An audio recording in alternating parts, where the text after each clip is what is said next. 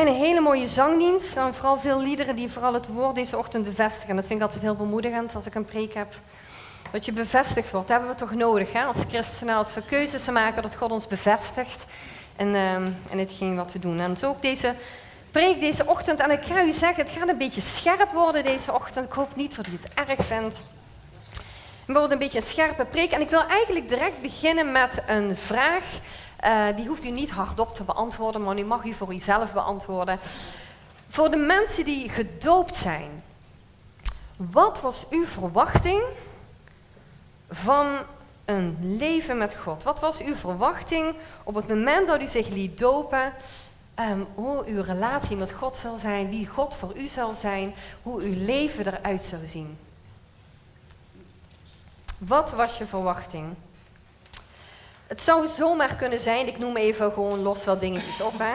Het zou zomaar kunnen zijn dat uh, je misschien verwacht had dat je heel veel uh, geestelijke ervaringen zou uh, beleven. Ja, dat, dat, kan, hè. Dat, dat, er zijn ook mensen die worden gedoopt en die ervaren ook echt spiritueel iets. Of dat je heel veel spiritualiteit in je leven gaat, gaat meemaken. Het zou zomaar kunnen zijn dat je verwachting was, nu heb ik gekozen voor Jezus en nu... Um, uh, ja, nu, uh, nu wordt mijn leven zorgeloos.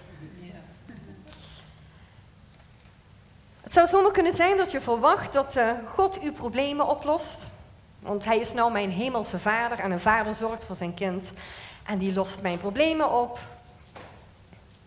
Het zou kunnen zijn dat je verwachting is dat je een mooie toekomst tegemoet gaat. Of dat je gedoopt bent, hebt laten dopen, zodat je een een ticket naar de hemel hebt.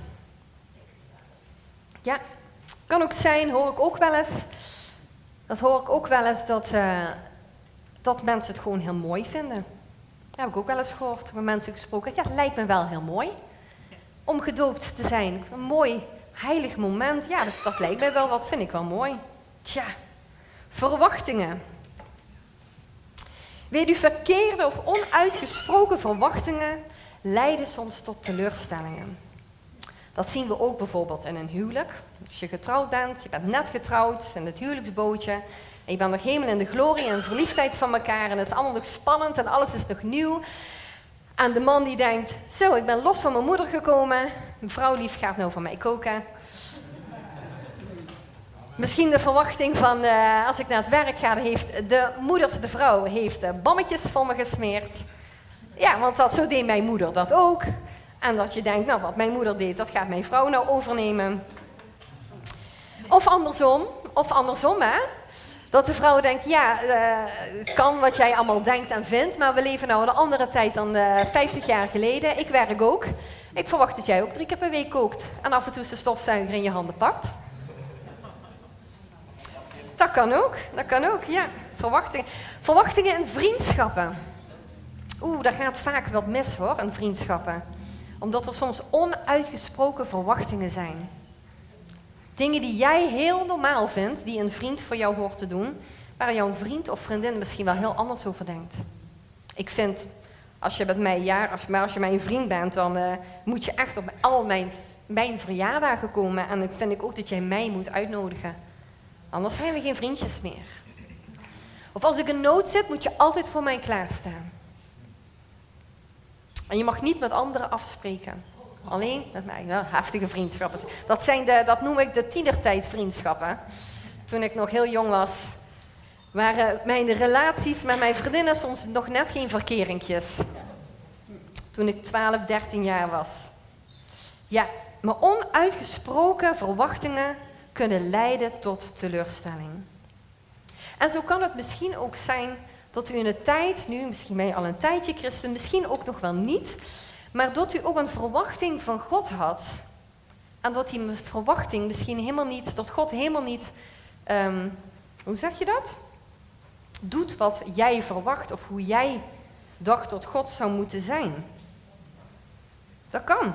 Dat je teleurgesteld bent in God als dingen anders gaan dan jij gedacht had. Dat er dingen op je pad zijn gekomen waarvan je denkt, ja, waarom nou? Een hele tijd geleden, en volgens mij heb ik dit alles eerder in een preek van mij aangehaald, dat weet ik niet meer zeker, doet er ook niet toe.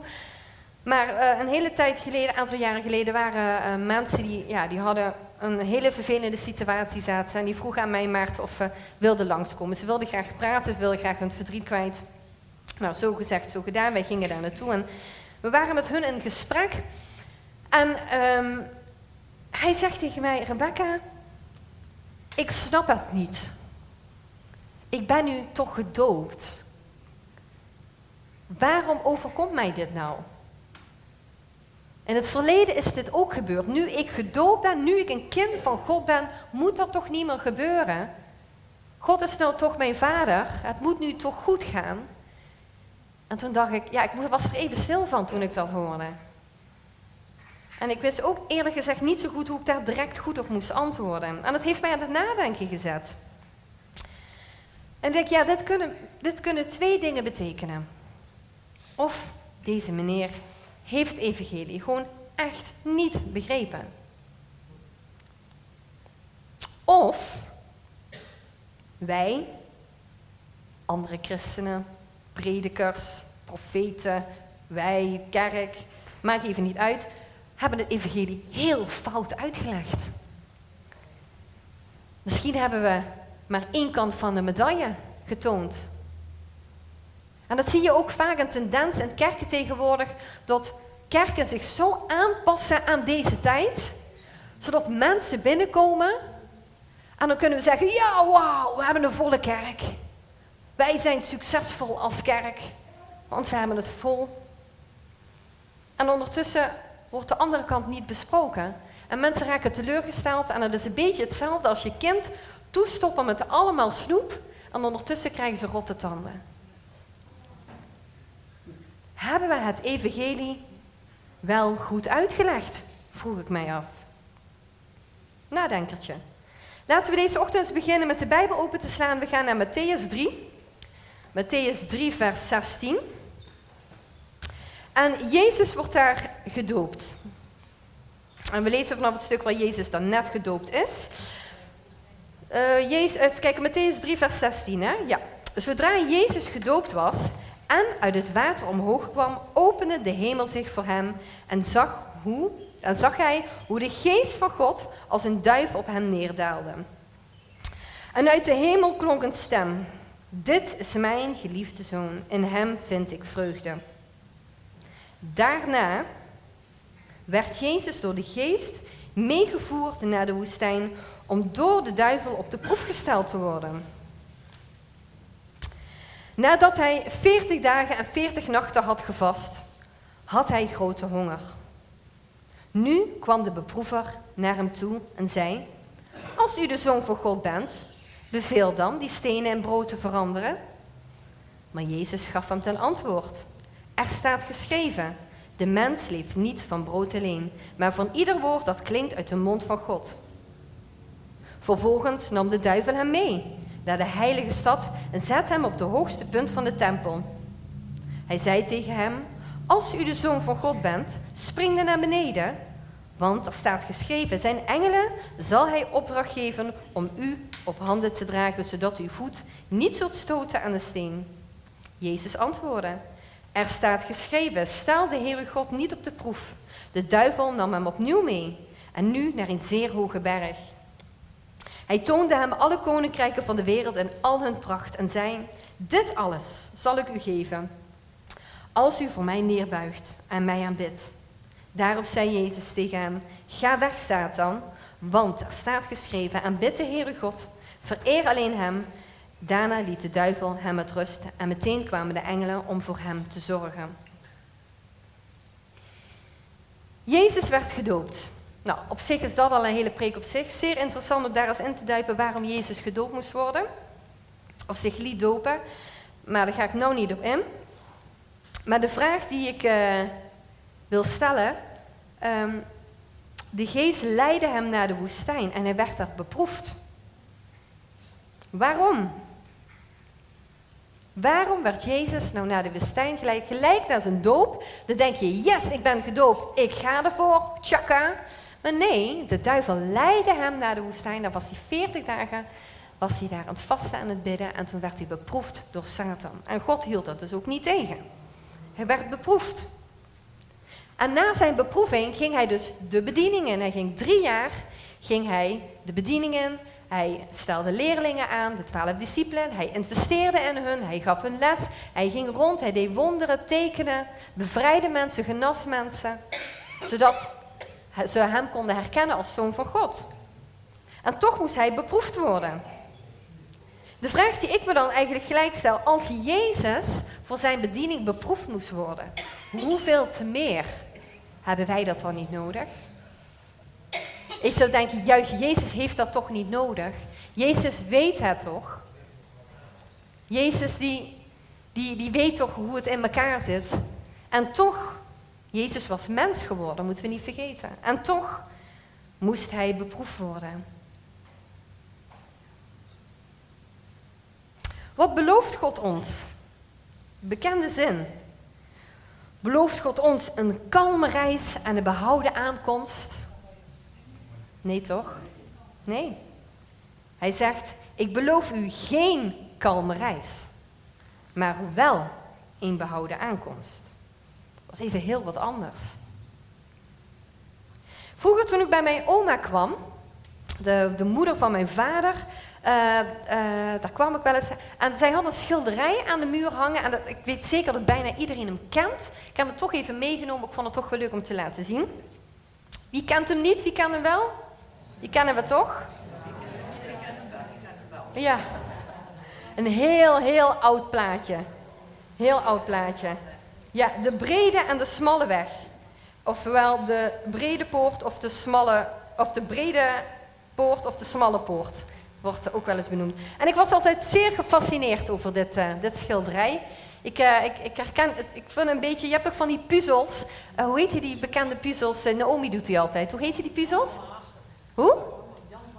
Jan, van Haase puzzels, ken je die? Het zijn van die super drukke tekeningen en dan als je goed gaat kijken, dan zie je wat er allemaal gebeurt. Dat, er zit spullig, gebeuren heel veel dingetjes, moet je echt bestuderen. En zo was ik als kind zijnde, dat ik eigenlijk altijd dit schilderij deed bestuderen. Ik vond het fascinerend. En uh, ik, ik, was altijd weer, als ik weer terugkwam, ging ik kijken of ik weer wat nieuws kon ontdekken wat ik de vorige keer niet gezien had. Fascinerend, de brede en de smalle poort. Ja, ik vond het toch wel leuk om even te laten zien. Ja. Laten we eens eh, even kijken, wat staat er over die brede en de smalle poort in het woord van God? Matthäus 7, vers 13. Eens even kijken. Matthäus 7, vers 13. Het eerste stukje. Ga door de nauwe poort naar binnen, want de brede weg die velen volgen en de ruime poort, waar velen door naar binnen gaan, leiden naar de ondergang. Nauw is de poort naar het leven, smal de weg er naartoe en slechts weinigen weten die te vinden. Tja, de brede en de smalle poort. Ja, weet je, smal en, en, en nauw staat eigenlijk ook een beetje voor oncomfortabel, toch? Dus je moet je ergens doorheen wringen, je moet voorzichtig zijn, je moet balanceren, je moet opletten, waakzaam zijn. En breed en ruim staat voor gemakkelijk. Je loopt er naartoe. Je gaat, je gaat naar links, je gaat naar rechts. Je hebt de ruimte, de vrijheid, wat wij vrijheid noemen tegenwoordig in de wereld. Je hebt alle vrijheid, je kan alle kanten, je kan doen wat je wil. Het is makkelijk, het kost je niks. Doe vooral wat goed voelt. Doe vooral waar jij behoefte aan hebt. De brede weg en de smalle weg. De weg naar het leven wordt niet afgeschilderd als een roze pad wat je even doet. Maar als we dit stukje even verder lezen, want God geeft direct een waarschuwing naar dit stuk. Uh, gaan we ook even verder lezen. Uh, dan starten we verder bij Matthäus 7, vers 15. Pas op. Pas op voor valse profeten, die in schaapskleren op jullie afkomen, maar eigenlijk roofzuchtige wolven zijn. Aan hun vruchten zul je hen herkennen. Men plukt toch geen druiven van een doornenstruik of vijgen van een distel? Zo brengt elke goede boom goede vruchten voor en een slechte boom brengt slechte vruchten voor. Een goede boom kan geen slechte vruchten dragen, evenmin als een slechte boom goede vruchten dragen kan. Elke boom die geen goede vrucht draagt, wordt omgehakt en in het vuur geworpen. Zo kunnen jullie hen dus aan hun vruchten herkennen. Niet iedereen Wie Heere, Heere tegen mij zegt, zal het koninkrijk van de hemel binnengaan. Alleen wie handelt naar de wil van mijn hemelse Vader. Op die dag zullen velen tegen mij zeggen: Heere, Heere, hebben wij niet in uw naam geprofiteerd? Heere, hebben wij niet in uw naam demonen uitgedreven? En hebben wij niet vele wonderen verricht in uw naam? En dan zal ik tegen hun rechtuit zeggen: Ik heb jullie nooit gekend. Weg met jullie. Hele scherpe tekst. God waarschuwt niet voor niets. Schijnbaar is het nodig dat we daarvoor gewaarschuwd worden.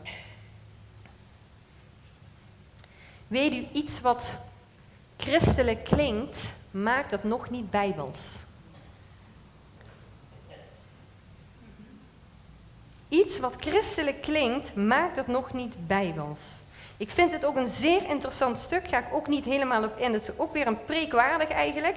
Het schijnt dus namelijk zo te zijn dat er toch mensen die in de naam van Jezus wonderen doen, profiteren, uh, demonen uitdrijven en toch zelf niet gered zijn. Zeer interessant om daar eens op in te duiken. Tja, ik zie ook tegenwoordig heel veel dat gaat misschien niet iedereen leuk vinden wat ik zeg. Maar laten we eerlijk zijn, de conferenties en de aparte diensten buiten de kerkdiensten om is een enorme hype. Het is een enorme christelijke hype op dit moment. En als we het in de kerk niet fijn vinden, dan gaan we wel naar de conferenties toe. En als ik het zelf niet in de kerk vind, en dat zie je tegenwoordig ook, is ook echt een tendens, dan begin ik zelf wel een conferentie. Ik huur wel een zaaltje af en dan ga ik zelf een dienst beginnen. Dat is echt een hype. Je ziet het heel veel. En ik denk dat dit echt een waarschuwing daarvoor is. We moeten heel erg uitkijken. Waar ga je naartoe? En ga niet naar conferenties in de plaats van een kerk. is niet oké. Conferenties zijn per definitie niet slecht. Wil ik ook even zeggen, anders krijg ik daarover mijn kop. Conferenties zijn per definitie niet slecht, maar kijk uit. Ga niet zomaar overal naartoe. Volg niet zomaar elk persoon. Let op, ben waakzaam en bestudeer zelf het woord. Ja? Waakzaam, waakzaam. En wat je dan ook nog eens krijgt, en daar moeten we ook voor kijken, dat dan ook nog eens overal gedoopt gaat worden. Overal dopen we. En het liefst, dat is ook een hype, en ik ga het ook gewoon benoemen, het liefst in de Jordaan en Israël. Want dat is toch zo mooi. Dat is ook hartstikke mooi. Ik hoop ook een dag een dagje naar, een keer naar Israël te kunnen. Lijkt me super mooi interessant. Maar um, uh, weet je, daar gaat het toch niet om. Daar gaat het toch niet om. Maar goed. Even terug naar Jezus. Jezus werd voorbereid voor hetgeen wat komen ging, zijn bediening. Maar hoe zit het dan met ons? Hoe vaak wordt er wel niet gepredikt? God heeft een droom voor jou. God heeft voor iedereen persoonlijk een bediening. God heeft een opdracht voor jou. We hebben allemaal dezelfde opdracht dat we het evangelie moeten verkondigen, toch? Dat is allemaal, dat is niet voor de evangelisten, dat is niet voor de voorgangers of voor de oudsten, dat is voor ons allemaal. Dat is de opdracht die we allemaal hebben. Maar soms is het ook zo dat mensen specifieke bediening hebben. Ja, dat kan. Maar dan is het toch ook wel goed dat wij ook beproefd worden. Wat is een proef? Een proef is een meetmoment hoe er gekeken wordt waar je op dat moment staat. Als jij een proefwerk voor school hebt, dan gaat de meester kijken van waar, waar sta jij op dit moment, hoeveel kennis heb je naar huis, wat weet je wel, wat weet je nog niet. Weet je voldoende, weet je nog niet voldoende om door te kunnen gaan. Dat is ook met beproeving. Je wordt beproefd. Waar sta je op dit moment? En de corona is eigenlijk ook weer, ja, we kunnen het woord niet meer uitspreken bijna. Maar ja, we kunnen niet doen alsof het niet geweest is. We doen bijna wel al zo. Maar het is toch echt geweest. Maar de corona was ook zo'n tijd waar je even stilgezet werd en waar je beproefd werd van hoe staat het nou met mijn geloofsleven? Hoe staat het nou met mijn geloofsleven nu ik niet meer naar de kerk kan? Nu ik niet meer naar conferenties kan? Nu ik niet meer naar de bidstond kan? Niet meer naar de, naar de celgroepen kan? Mijn, mijn kerkgenoten minder zie? Hoe staat het er nou mee? En we moeten constateren dat er ook gewoon christenen zijn die niet meer komen. Dat hoeft niet meer. Of ik doe het zelf wel. Ik vind het wel lekker die zondag zo in mijn bed. Ja. En dat is moeilijk, maar daar word je wel even mee geconfronteerd. Als dat dus wegvalt. Tja, en dat is voor ieder anders, hè? voor ieder dus een voorbeeldje, maar zo kan het voor u natuurlijk een andere situatie zijn. Ja. En dan nog een vraag, wie beproeft ons? Wie beproeft ons? Waar heb ik het? Oh, hier. Nou, ten eerste, wat we bij Jezus al zien, hè, in de 40 dagen was de tijd nadat hij beproefd werd, is dat de duivel op de stoep stond. De duivel daagde hem uit. Zo kan het ook in ons leven zijn dat de duivel ons uitdaagt. Ik weet niet of de duivel precies zelf is, maar in ieder geval, de duistere machten, die zijn er gewoon, kunnen we gewoon benoemen. Dat is gewoon een hartstikke realiteit. En die valt ons aan in ons dagelijks leven. Dat kan hartstikke waar zijn. Maar dat is het niet alleen. En dan gaan we eventjes mee naar Jacobus, Jacobus 1, vers uh, 12. Luister. Gelukkig is de mens die in de beproeving staande blijft. Want wie de proef doorstaat, ontvangt als lauwe krans het leven. Zoals God heeft beloofd aan iedereen die hem lief heeft. Wie in verleiding komt, moet niet beweren die verleiding komt van God. Want God stelt niemand aan verleiding bloot, zoals hij zelf ook niet door iets slechts in verleiding kan worden gebracht. Iedereen, let op, komt in verleiding door zijn eigen begeerte, die hem lokt en meesleept. Is de begeerte bevrucht, dan baart ze zonde en is de zonde volgroeid. Dan brengt ze de dood voort. Onze begeerte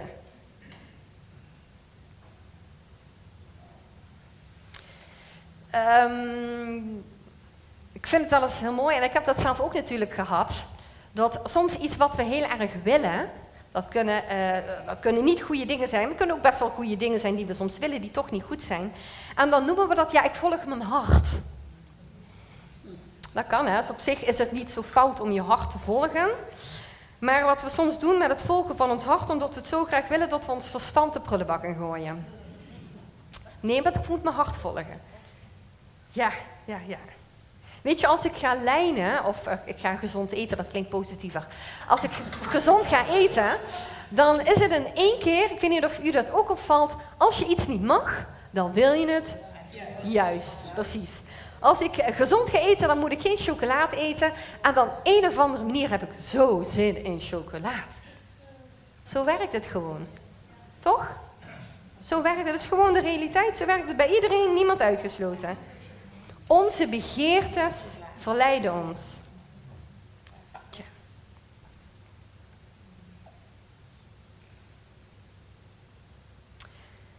Uh, oh ja. Lezen even verder. Een stukje terug. Het is ook 1 Jacobus, maar dan uh, vanaf, uh, vanaf het begin. Waarom, wat was de vraag nou? Uh, ja, waar zijn beproevingen dan goed voor? Waarom is het dan toch goed, ook al voelt het vaak oncomfortabel, ook al is het soms niet fijn, niet leuk, waarom is het toch goed dat we die beproevingen hebben? Het moet u tot grote vreugde stemmen, broeders en zusters, als u allerlei beproevingen ondergaat. Want, weet u, wanneer uw geloof op de proef gesteld wordt, leidt dat tot standvastigheid. Al die standvastigheid ook daadwerkelijk blijkt, zult u volmaakt en volkomen zijn zonder enige tekortkoming. We moeten misschien blij zijn met onze beproevingen. Voelt niet lekker, toch? Voelt niet lekker. Nee. Ga ook helemaal tegen mijn natuur in. Maar het staat er wel, hè? Het staat er wel. Ik, uh, ja, zoals u ziet, u ziet er wat, wat dingetjes staan hieronder. En um, uh, ik, uh, zoals velen weten, werk ik op, in het helpcentrum op de hersteltuin. Ik sinds drie jaar ben ik officieel boerin. En, ehm, en toen ik begon, wist ik van toeten of blazen af. Ik wist dat een plant, zeg maar, dat je in de water en de grond zeker water moet geven en dat die zon nodig heeft en dat de rest wel vanzelf werkt. Maar um, ik kreeg op het begin dus wel even uh, les of uitleg of advies van een tuinadviseur. En um, uh, omdat, ja, je hebt groentetuin, dat ja, moet je toch wel even weten wat wel en niet handig is. En ik had van die bakjes en ik kreeg van hem les, u kent ze wel hè, die bakjes, groentetuinbakjes. En um, ja, ik ga even naar beneden toe, want ik, anders, dat is toch wel makkelijk, dan sta ik de tijd gebukt, dat vind ik niet zo fijn. Uh, en die, uh, die bakjes, die, uh, ja, er zit zo'n blokje in. Kennen we wel, hè? Oh, dat is eigenlijk niet. Ik had dat eigenlijk van tevoren moeten doen. Wacht, even knoeien. Kom, kom. Yes, ik heb zo'n blokje. Ja, zo'n blokje. En ik zeg, ja, ik zeg, oh fijn, ja, ik heb plantjes vandaag ingekocht. En ga ze in de grond stoppen. Ja, zegt hij, let wel op. Zegt hij, als je dat plantje uh, in de grond gaat stoppen, dan moet je het eerst even in een bak met water zetten. Goed laten soppen, laat maar van half uur staan. En dan zet je hem in de grond, doe je het, het grond dicht. En dan mag je hem een week geen water geven. Ik zeg, wat? Nee, ik zeg, ja, maar het is zomer, het is heet. Het is toch super kwetsbaar? Nee, zegt hij, dat moet je niet doen. Want um, uh, wat je dan gaat krijgen, zegt hij, als je hem water gaat geven, dan gaan de wortels naar de zijkant schieten. Zegt hij, en als het dan heel slecht weer wordt, heel heet, dan is die, gaat die, is die heel kwetsbaar. Zegt hij, wat je wil als boer, dat je groenten tegen weer bestand zijn en dat die wortels de grond inschieten. Dus moet je hem de eerste week in een moeilijke periode zetten, geen water geven en daarmee dwing je af dat die wortel de grond ingaat.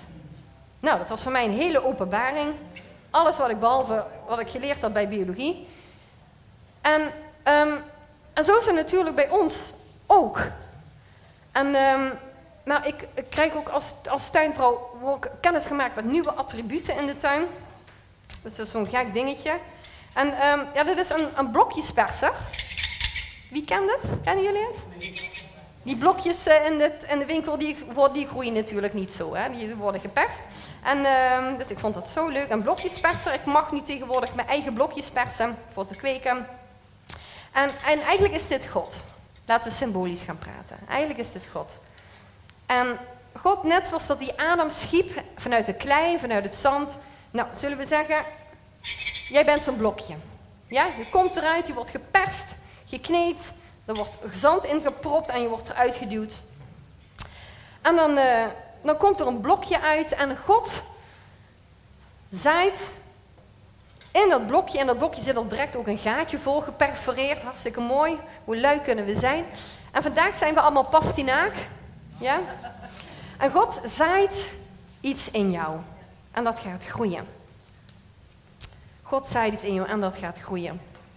Hartstikke mooi. En dan word je groeien en dan word je zo'n klein babyplantje. Je bent jong christen. Je, bent, uh, je weet nog niet zo alles, je bent nog niet zo sterk. Maar je groeit. En dan komt het moment dat je zegt van ja, ik wil mij laten dopen. Ik heb de keuze gemaakt, ik wil me laten dopen.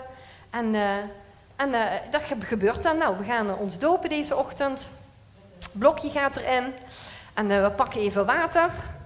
Levend water van Rijn. Water. En we gooien dat vol en je sopt lekker onder. En je wordt goed nat. En, en dan kom je uit het water, je bent gedoopt. Halleluja, fantastisch, beste keuze ooit die je kan maken. En dan zijn er twee dingen die kunnen gebeuren. Of dat blokje, dat zetten we in een wat ruimer potje. Zo. Heel fijn. Wauw. Ik kan al groeien, mijn wortels kunnen al schieten. Heel fijn. Ik vind het ook heel fijn dat we. Dat we uh, heel fijn dat we ja, dat ik wat, wat kan groeien, kan ontwikkelen. En ik vind het ook wel heel fijn, want de boer die komt voor mij zorgen. Die geeft mij water, want dat heb ik nodig. Dat kan ik zelf niet. En, uh, ja. en je beperkt jezelf tot dit potje. Dit potje is jouw beperking. Zoveel ruimte heb je gegeven aan God. Zoveel ruimte heb je gegeven aan jezelf om te groeien. En je vindt het wel lekker zo. De boer zorgt wel voor mij. Toch? Maar dat is toch eigenlijk niet de bedoeling? Dat is toch eigenlijk niet wat we moeten willen? Dat is eigenlijk ook helemaal niet wat God wil. God wil dat we buiten in de tuin gezet worden. En dan laat God soms lijden aan beproevingen in je leven toe.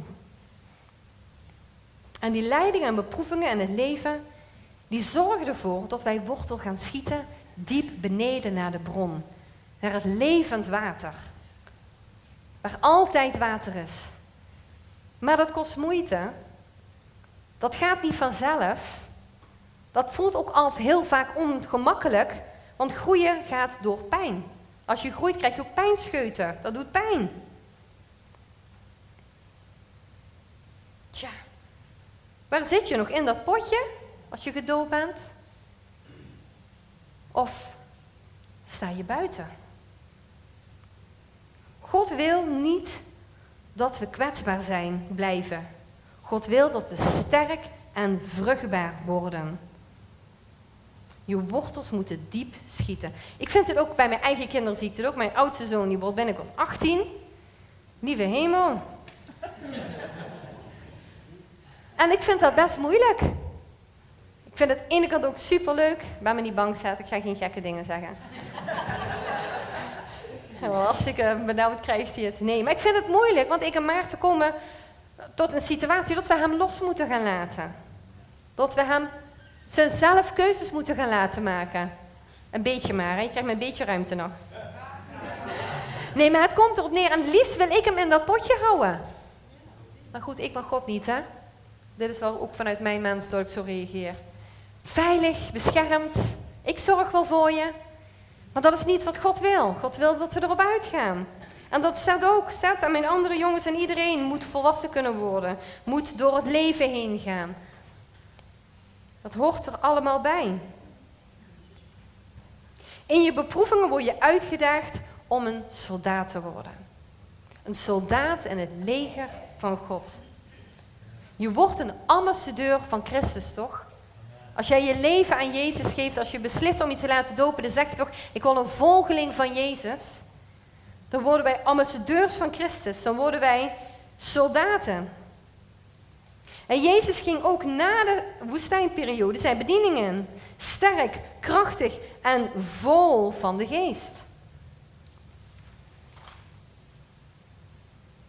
Nou, wat draagt een soldaat? Efeziërs 6.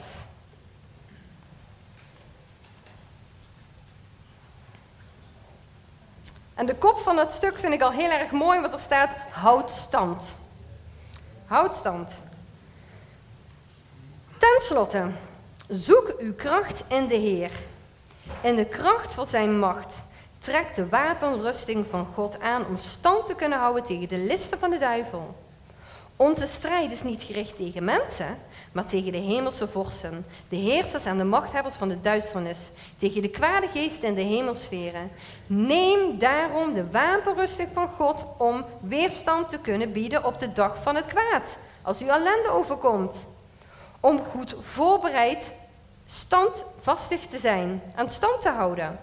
Houd stand met de waarheid als een gordel om je hopen, de gerechtigheid als harnas om uw borst, de inzet van het evangelie voor de vrede als sandalen aan uw voeten en draag bovenal het geloof als een schild, waarmee u alle brandende pijlen van hem die het kwaad zelf is, kan doven.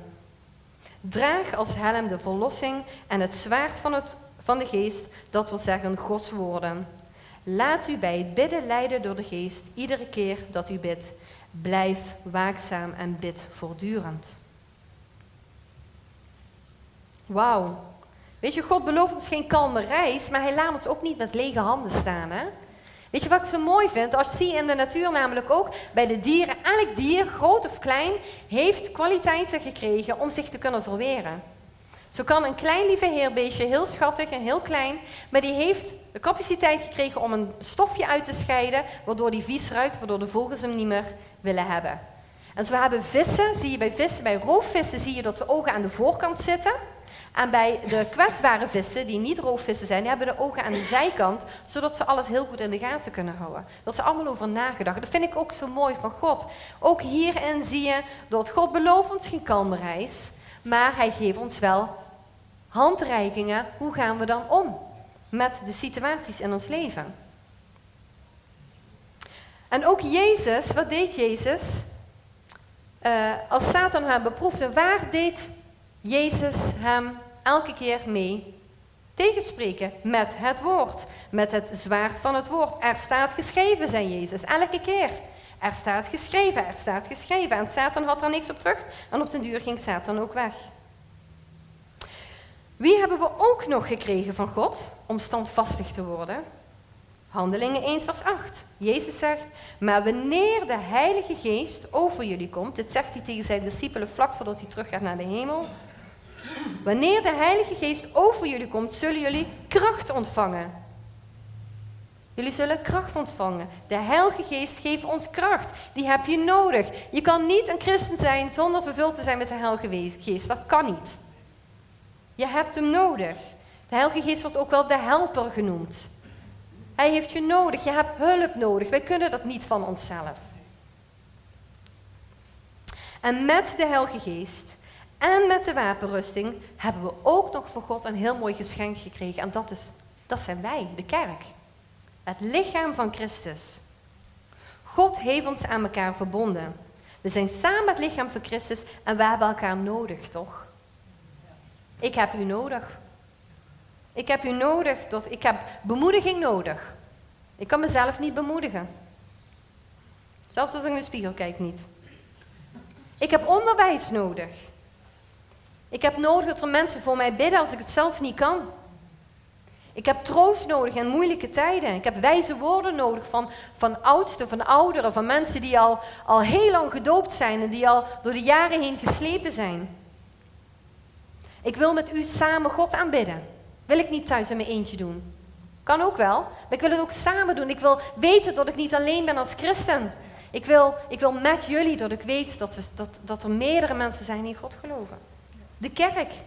We hebben hem zo hard nodig. En het is één leugen. Het is ook een tendens dat de kerk tegenwoordig niet meer van deze tijd is. Dat is van vroeger. Dat is rechtstreeks een leugen van de duivel. Het kan niet zo zijn dat God ons de kerk geeft en dat dan nu in één keer het niet meer hoeft. Dat is toch raar? God geeft ons de kerk omdat we dat heel hard nodig hebben. Als mensen dat zeggen, nou, geloof er me niks van en gooi het maar over je schouders. We leven hier nu. Kijk, of we het nou nu eerlijk vinden of niet, of we het nu leuk vinden of niet, of we het nu met alles eens zijn met God of de dingen om ons heen of niet. We leven nu hier op aarde eenmaal in een vervallen wereld. We hebben er vandaag ook in de liederen, een aantal mooie liederen die ook zo mooi daarmee dat uitbeelden. We leven nu eenmaal in een vervallen wereld.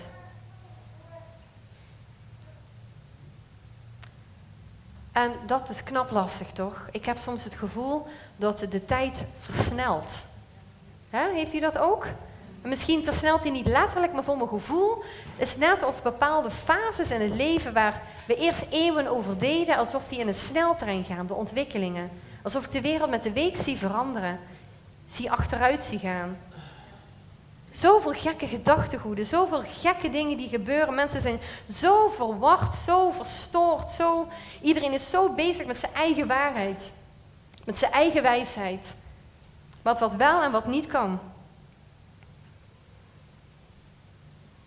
Alleen de vraag is, wil jij de dag van vandaag in deze gekke wereld, in deze wereld die vaak knap lastig is, wil je deze reis, wil je die met of wil je die zonder God doen? Wil je die met of wil je die zonder God doen? Durf je het aan om een nieuw leven te beginnen? Weet dat je mag komen zoals je bent. Dat horen we ook heel vaak, hè? Je mag bij God komen zoals je bent. Dat is helemaal waar. Je mag helemaal komen zoals je bent met heel je uh, hebben en houden, met je zonde, maar ook met je littekens op je hart. Je mag komen met je verdriet, met je verleden, dingen die je gedaan hebt of dingen die je overkomen zijn. Je mag komen met jouw ideeën, met jouw gedachtegoeden, met de gedachten waarvan jij denkt wat goed of fout is, met jouw filosofieën. Je mag met alles mag je bij God komen. God houdt van jou zoals je bent. Maar, heb ik erachter gezet, maar hij houdt zoveel van je om je niet zo te laten. En dit is een beetje een tricky one, Want ook in het woord van God, ik heb het nu niet opgezocht, staat ook dat we vernieuwd van denken worden. En de vraag is aan onszelf van tevoren eerst, willen we dat eigenlijk wel? Willen we wel vernieuwd van denken worden? Want het kan namelijk zo zijn dat hoe je vandaag bepaalde dingen ziet, dat je die misschien uh, over een jaar niet meer zo ziet. Dat je die anders ziet. En leven kiezen met God is per definitie dat je een nieuw mens wordt. Dus ook per definitie dat je een nieuwe gedachten krijgt. Nieuwe gevoelens krijgt. Nieuwe uh, meningen zelfs gaat krijgen. Misschien moet je wel eens terug gaan komen op dingen die je zelf keihard geroepen hebt, waarvan je nu concludeert van hoe. Ja, ik zat er toch wel een beetje naast. Willen we dat wel, hè? Geslepen worden door God en dat we een nieuw mens worden? Met de doop word je namelijk een nieuwe schepping. Je oude leven mag je achter je laten. En doordat Jezus voor je gestorven is en weer opgestaan is uit de dood, mag jij ook weer opnieuw beginnen. Jezus stierf voor jouw zonde aan het kruis, zodat je een kind mag worden van de Allerhoogste God. En dat je herkent dat Jezus Gods zoon is en jouw redder. Dat is jouw beleidenis. Als je je laat dopen. Niet zodat je een ticket hebt naar de hemel. Tuurlijk, als je kind van God komt, dan ben je uiteindelijk thuis bij God. Maar dat is toch niet, is toch niet de reden alleen? Je, wil, je hebt toch een relatie met God? Je wilt toch meer van God dan alleen maar een ticket naar de hemel? Je laat je toch niet dopen zodat je het allemaal heel fijn en heel gesapig gaat? Want dan ga je van koude kermis thuiskomen, want zo zit het niet in elkaar. Dat is je beleidenis. Jezus Christus is jouw redder, de Zoon van God.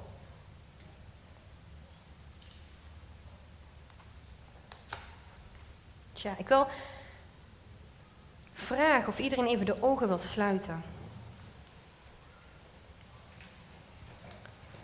En dat vraag ik om niet even naast je neer, naast iemand neer te kijken of uh, anderen in de gaten te houden of even afgeleid te worden. En ik denk dat ik een, dat ik een woord van God heb wat ik moet delen deze ochtend. Uh, voor iemand in de zaal of misschien wel voor meerdere mensen in de zaal. Maakt niet uit. God weet het, ik niet. En ik wil daar gehoorzaam in zijn.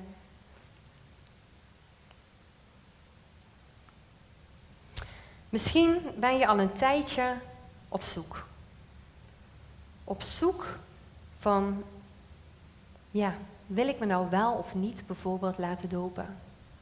Wil ik me nou wel of niet een christen worden? En misschien vind je het ontzettend eng. Misschien ben je bang om de controle kwijt te raken. Je bent beschadigd, er zitten flinke krassen op jouw hart. Je bent kwetsbaar, broos.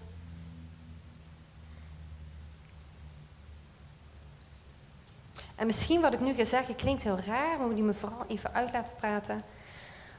Misschien ben je in een gezin geboren waar je niet gewild bent. Waar je niet gewild was, of misschien niet gepland.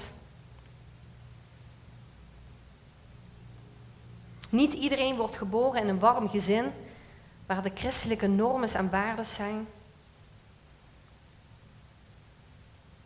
Weet u, toen ik mijn kinderen kreeg, ik en Maarten wilde graag kinderen.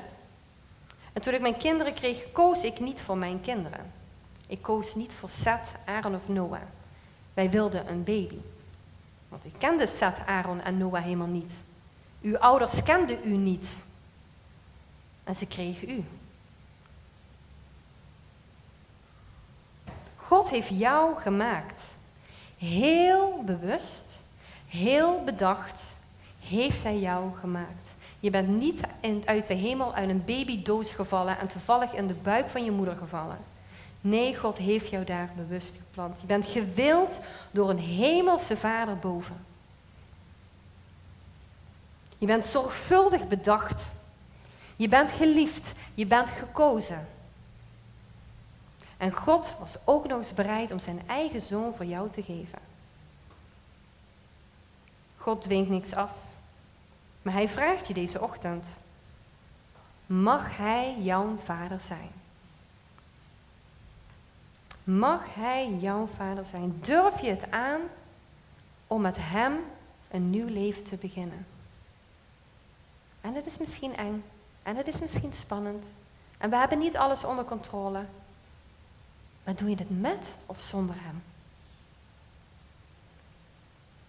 Mag hij jouw vader zijn? U mag uw ogen weer openen.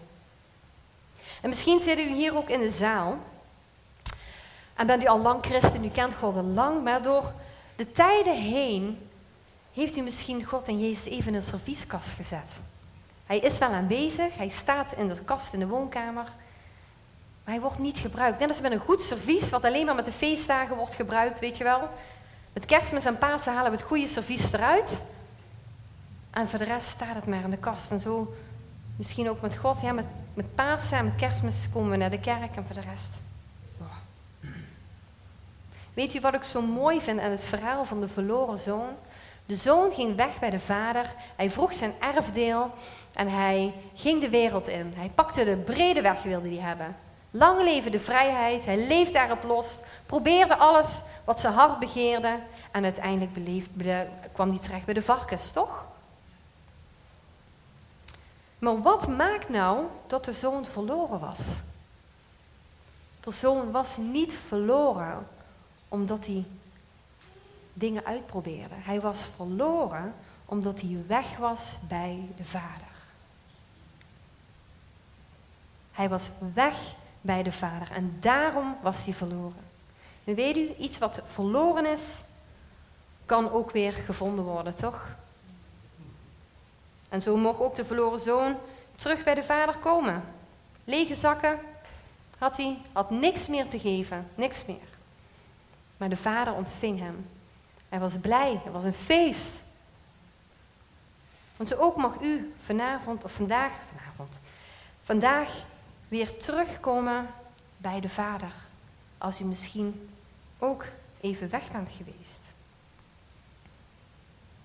We gaan even terug naar het begin van de preek. We begonnen met verwachtingen. Weet u nog?